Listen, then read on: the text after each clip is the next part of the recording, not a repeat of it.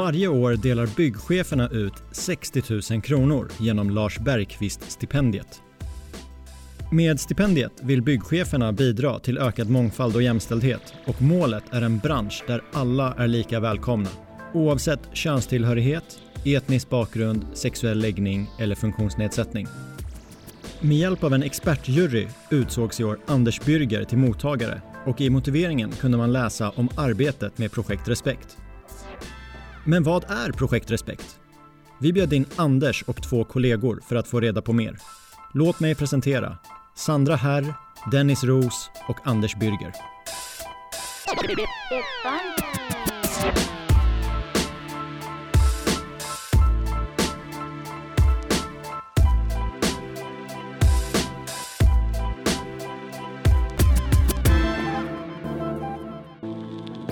Varmt eh, välkomna till eh, dagens distansavsnitt.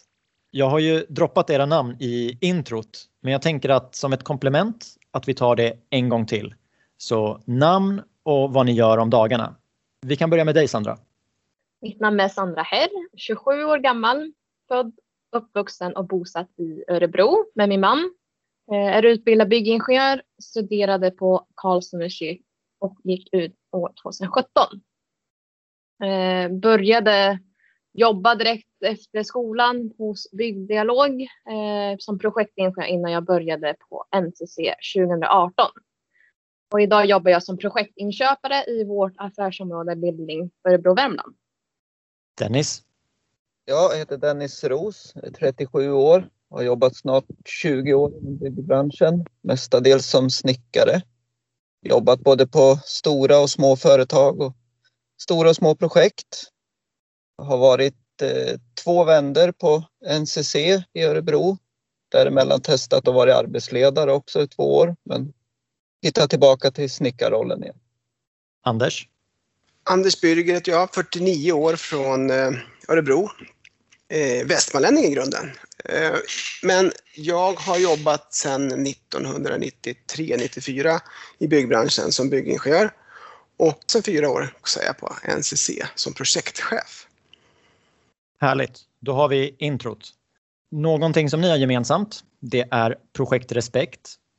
Och jag tänkte att vi idag steg för steg ska gå igenom vad det är för någonting. Jag hittade en beskrivning när jag gjorde lite forskning inför det här avsnittet och då står det så här.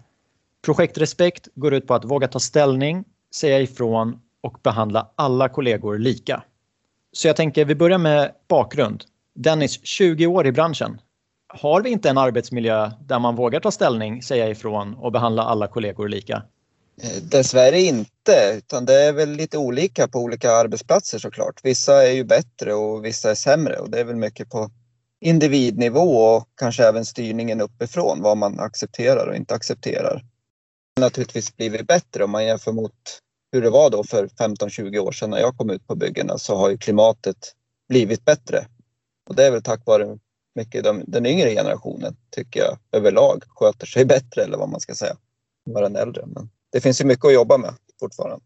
Du nämnde att du, du har ju varit i både stora och små projekt. Är ja. det samma klimat oavsett storlek? Ja, både och ska vi säga. Alltså på ett stort projekt finns det ju mer människor och då finns det ju fler olika typer av människor och på ett litet projekt, det kan ju vara mer kännbart om det är, om man är några stycken bara men de inte sköter sig eller inte respekterar varandra så blir det ju mer märkbart på ett litet projekt. Så det är väl lite både och på den frågan faktiskt. Sandra, Dennis nämner att det har blivit bättre och ett bidrag till det är den yngre generationen. Hur eh, har du upplevt dina första år i byggbranschen?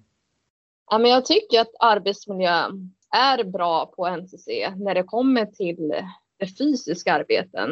Eh, det är ju hårda krav och vi är, det är ju mycket hårt med våra ordnings och skyddsregler. Men däremot om jag ser på det psykiska arbetsmiljön som jag upplever lite grann även på kontoren men även lite på bygget så har vi en del att jobba på. Och jag tror inte det bara gäller NCC utan det gäller i hela byggbranschen, tycker jag. Har du några personliga erfarenheter av den negativa sidan? Ja, eh, det har jag faktiskt. Och eh, precis som Dennis nämnde förut, det är ju de större byggprojekten där det kan hända eh, trakasserier som jag har varit med om när vi var, byggde sjukhuset i Örebro. Och egentligen det som var syftet till Projekt Respekt. Och det blir en ganska fin övergång till Projekt Respekt, även om händelsen såklart är väldigt tråkig. Men mm. om vi går över till dig Anders, syftet med Projekt Respekt, vad är det ni vill uppnå? Ja, precis som Sandra var inne på med, med, bakgrunden där så vi hade incidenter och det var inte bara det som Sandra var drabbad utav utan vi har haft andra incidenter också. Och, eh, och vi har ju människor på företaget med olika bakgrund, religion, kön, politisk uppfattning med mera. Och alla har ju liksom rätt att bli respektfullt behandlade. Det tycker jag liksom, det är viktigt att fastslå. Både som arbetsgivare men också ur ett alltså, samhällsansvar som jag tycker man har som människa. Syftet, liksom för att klargöra det, när vi satte projektmålen så var det att sätta syftet, det var att förtydliga och klargöra rutiner. För vi såg att det fanns en lite, eh, lite kunskapsglapp där, att vi inte visste hur vi skulle hantera ärenden som kom in. Och vi var inte så lätt för de som ska anmäla att veta hur man går man till, hur man går man tillväga när man ska anmäla att någonting händer. Men även för de som står runt omkring och som inte tar emot anmälan eller anmäler behöver vi också få reda på vad det är som händer vid den här typen av ärenden. Om du utsätter någon annan så får ju det konsekvenser även för dig. Då kommer det, vi som arbetsgivare kommer att säga ifrån. Eh, vi vill också, ett annat syfte, vi hade definierat som tre nivåer på det här. Det andra var att uppmuntra medarbetare som har utsatts för trakasserier att anmäla. Och trakasserierna har ju sin grund i de här sju diskrimineringsgrunderna och det var inne lite på det förut med vad man har för bakgrund och eh, ja, religion och kön och sexuell läggning och så. Och det är utifrån det som man måste uppmuntra människor att säga ifrån för det, det förekommer dagligen att man blir utsatt liksom och hånad och sådär. Tyvärr, det är bara att konstatera att det är så. Och det sista syftet var liksom att fastställa vad som är respektfullt agerande mellan oss varje, liksom, mellan varje person. Och det, det där var inte så jäkla lätt märkte vi. Vad är okej okay och vad är inte okej okay att göra?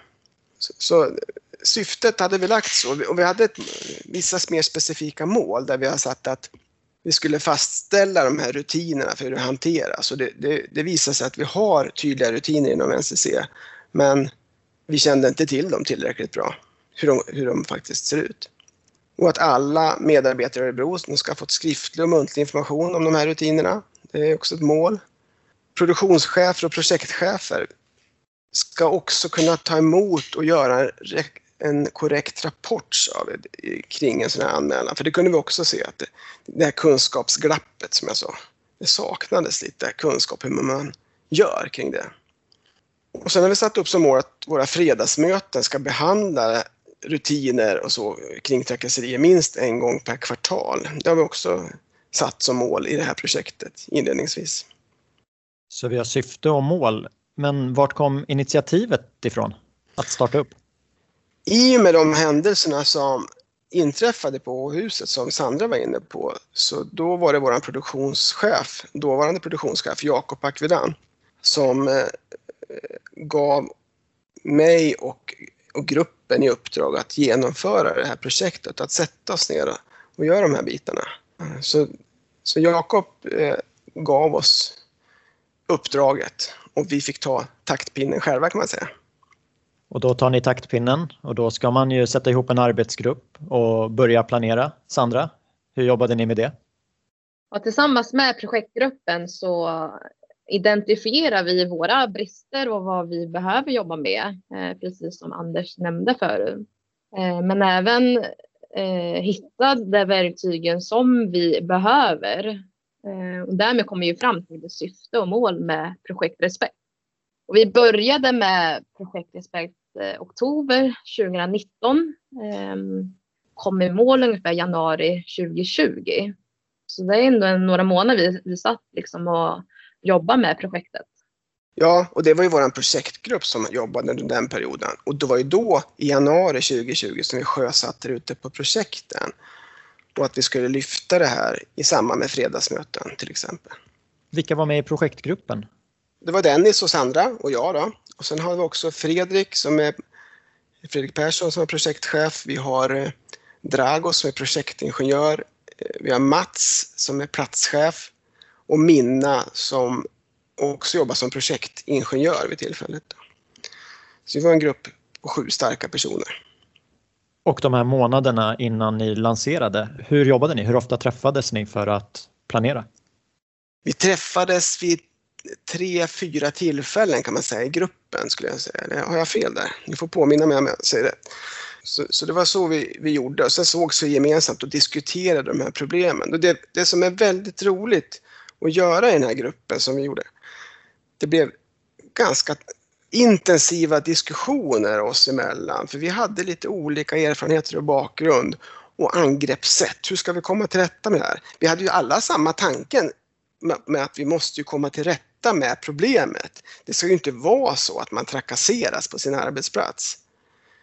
Och det, det tror jag vi var 100 procent liksom överens om. Och det låter ju naivt men man ska ju inte mobbas. det är liksom på den nivån, det låter ju naivt men det är ju faktiskt så att det, det händer för mycket på våra arbetsplatser och som man inte riktigt är medveten om att, man, att det händer.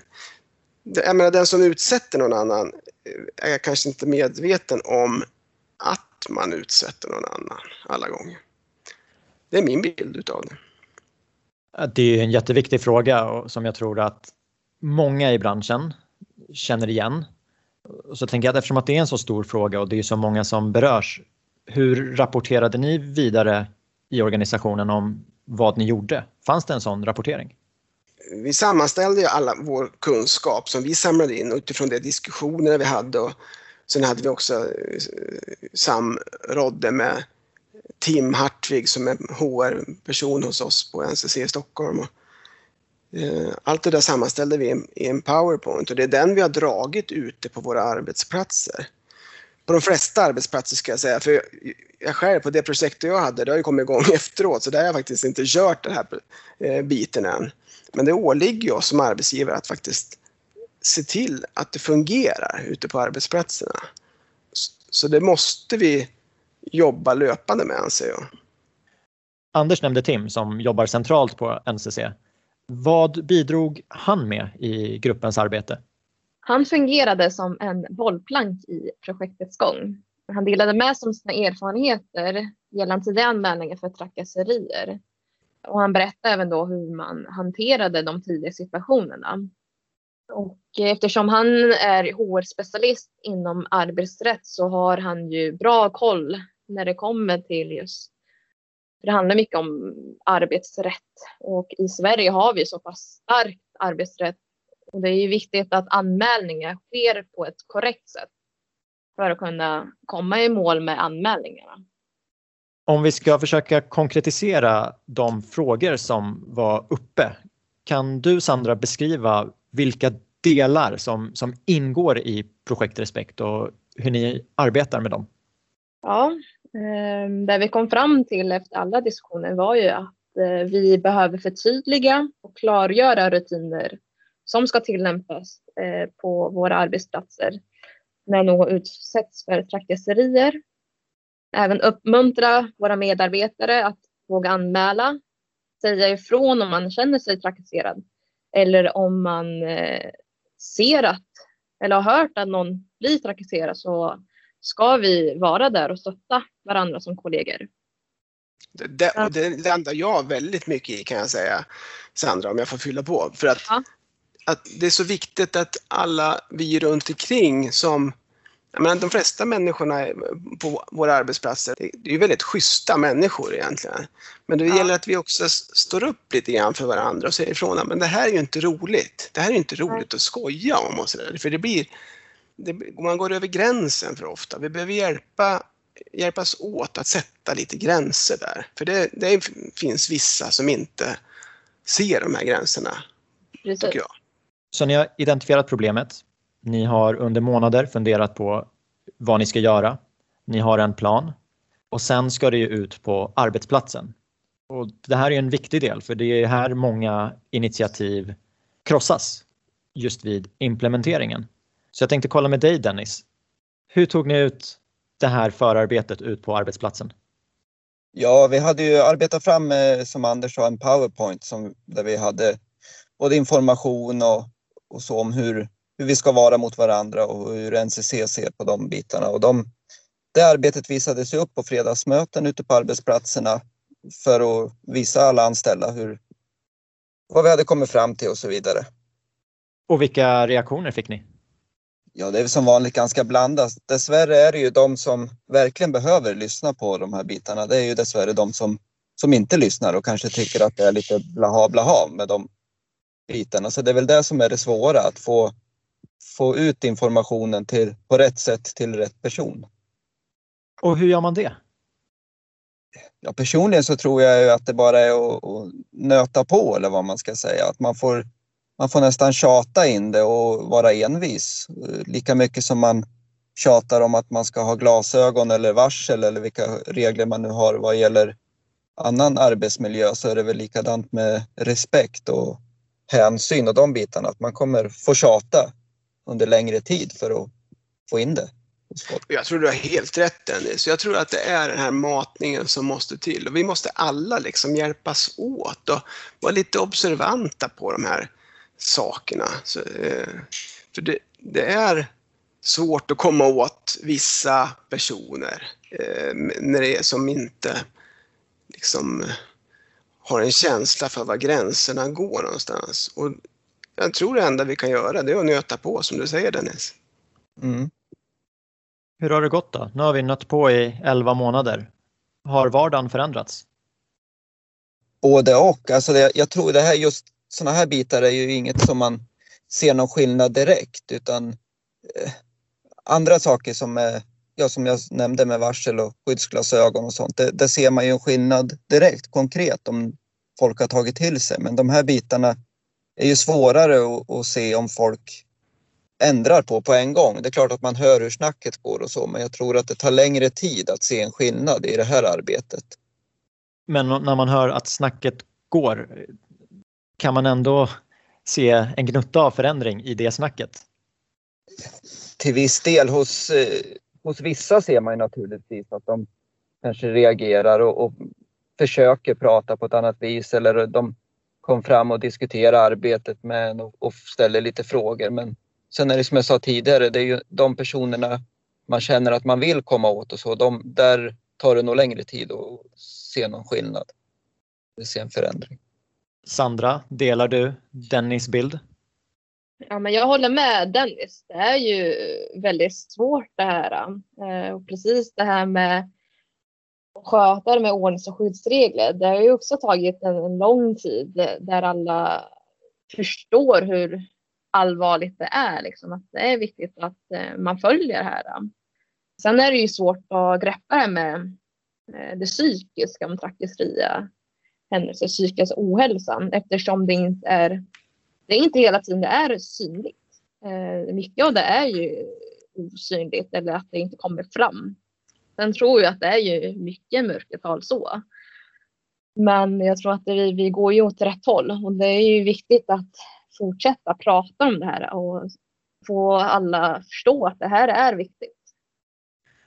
Där är jag jätteintresserad av att höra hur ni arbetar med projektet idag och då tänker jag dels den här delen där ni mäter förändringarna. Händer det någonting? Men också hur ni skruvar på sättet ni arbetar med eh, Projekt Respekt idag. Anders, kan du berätta? Ja, tanken är att vi ska fortsätta jobba med det här som jag beskrev tidigare. På, på fredagsmöten en gång i kvartalet så ska vi lyfta de här rutinerna just för att få upp det på agendan mer. Eh, jag tycker det är så roligt att ni nämner det här med hjälm och glasögon och de bitarna som jag har jobbat med många, många år. Det tar lång tid att implementera sådana hårda bitar att anamma ute hos vår personal. Men de här mjuka bitarna, de kanske kommer att ta ännu längre tid. Vi blir väl troligtvis aldrig klara egentligen. Det jag märker alltså vi har, jag kan inte säga att vi har en mätbara resultat, för det, det har vi inte.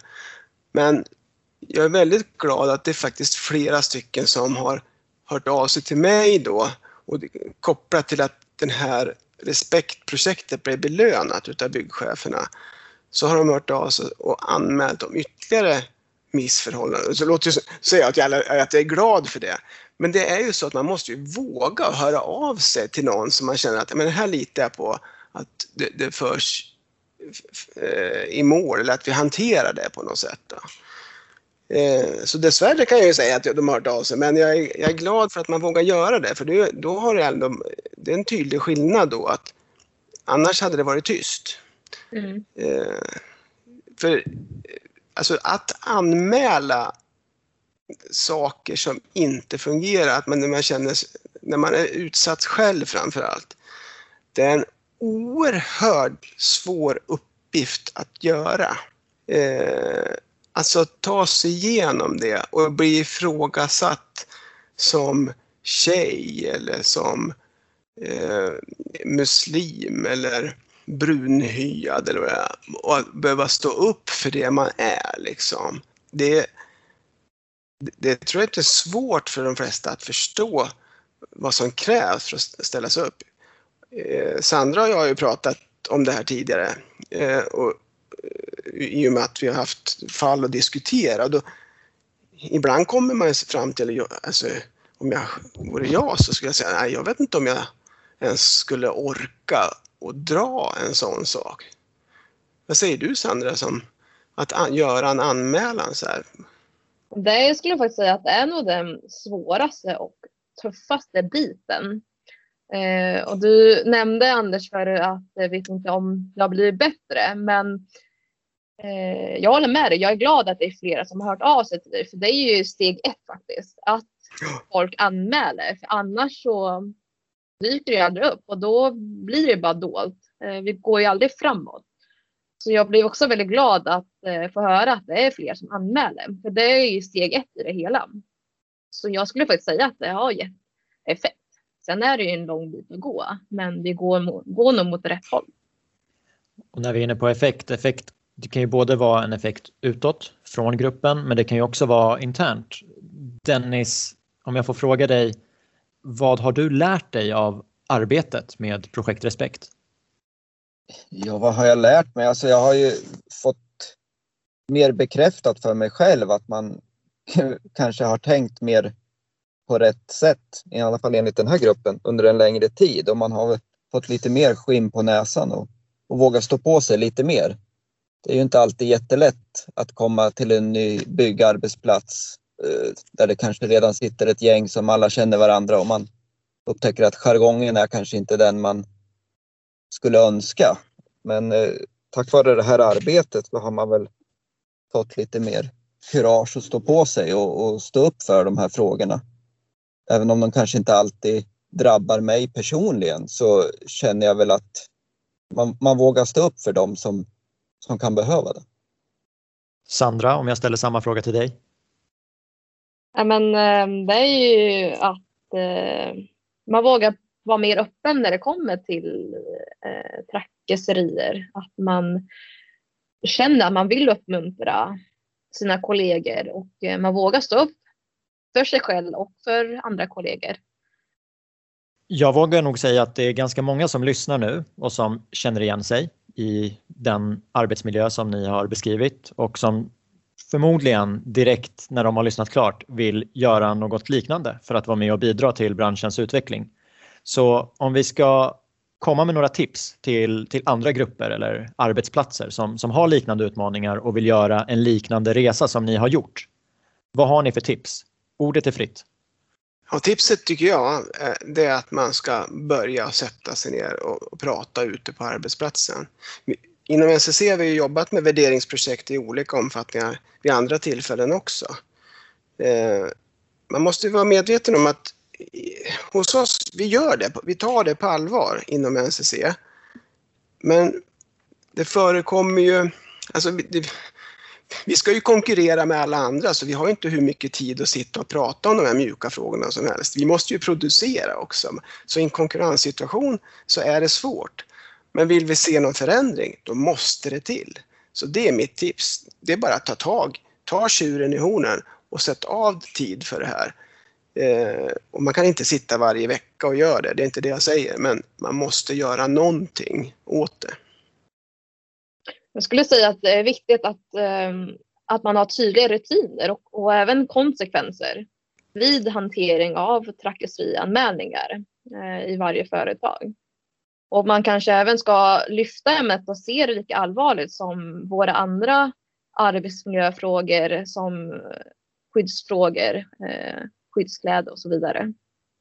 Men framför allt att eh, man ska förstå konsekvenserna. Det är svårt det här med konsekvenser, för det, det var mycket det vi, vi fastnade vid de första träffarna. Då pratade vi mycket konsekvenser. Och man måste göra klart för sig det att vi, vi har ett starkt arbetsrättsligt skydd, eller vad ska jag säga.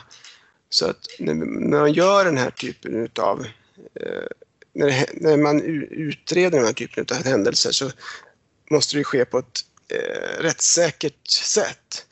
Och det är ibland, i hjärtat känns det fel att man inte kan gå i mål med till exempel att avsluta en anställning eller att man gör någon annan skarpare åtgärd. Det är lätt att flytta, byta arbetsplats på personer som inte funkar ihop eller där någon trakasserar en annan. Men man har liksom inte löst problemet, tycker jag. Och det gör man ju kanske inte genom att sparka någon heller, men man skulle vilja ha, ha det som konsekvens för att visa på för alla att ja, men vi tar det på allvar. Jag tror ju även att det är viktigt att man pratar om de här bitarna i tidigt skede på alla arbetsplatser, inte bara i, om man har en händelse eller inte, utan även hur, ja, med jargongen, hur, hur pratar vi med varandra och till vem säger vi vad och så, så att man inte bara går och väntar på att någonting ska hända och sen försöker man se över då vad man kan ta till för medel mot det utan att man pratar om de här ämnena ofta ute på arbetsplatserna. Det blir nästan lite tabu ibland att man får inte prata om, om det och då är det lätt att det hinner bli något allvarligt innan man tar tag i det. Igenkänningsfaktorn är 100% kring det ni precis har berättat om. Ska vi säga så? Ja. Mm. Tack för att ni gästade dagens avsnitt och framförallt tack för sättet som ni delade med er på. Och till alla som lyssnar kan jag tipsa om att gå in på byggchefernas hemsida byggcheferna.se för där kan ni läsa mer om både stipendiet och projekt Respekt. Det var allt från idag. Tack!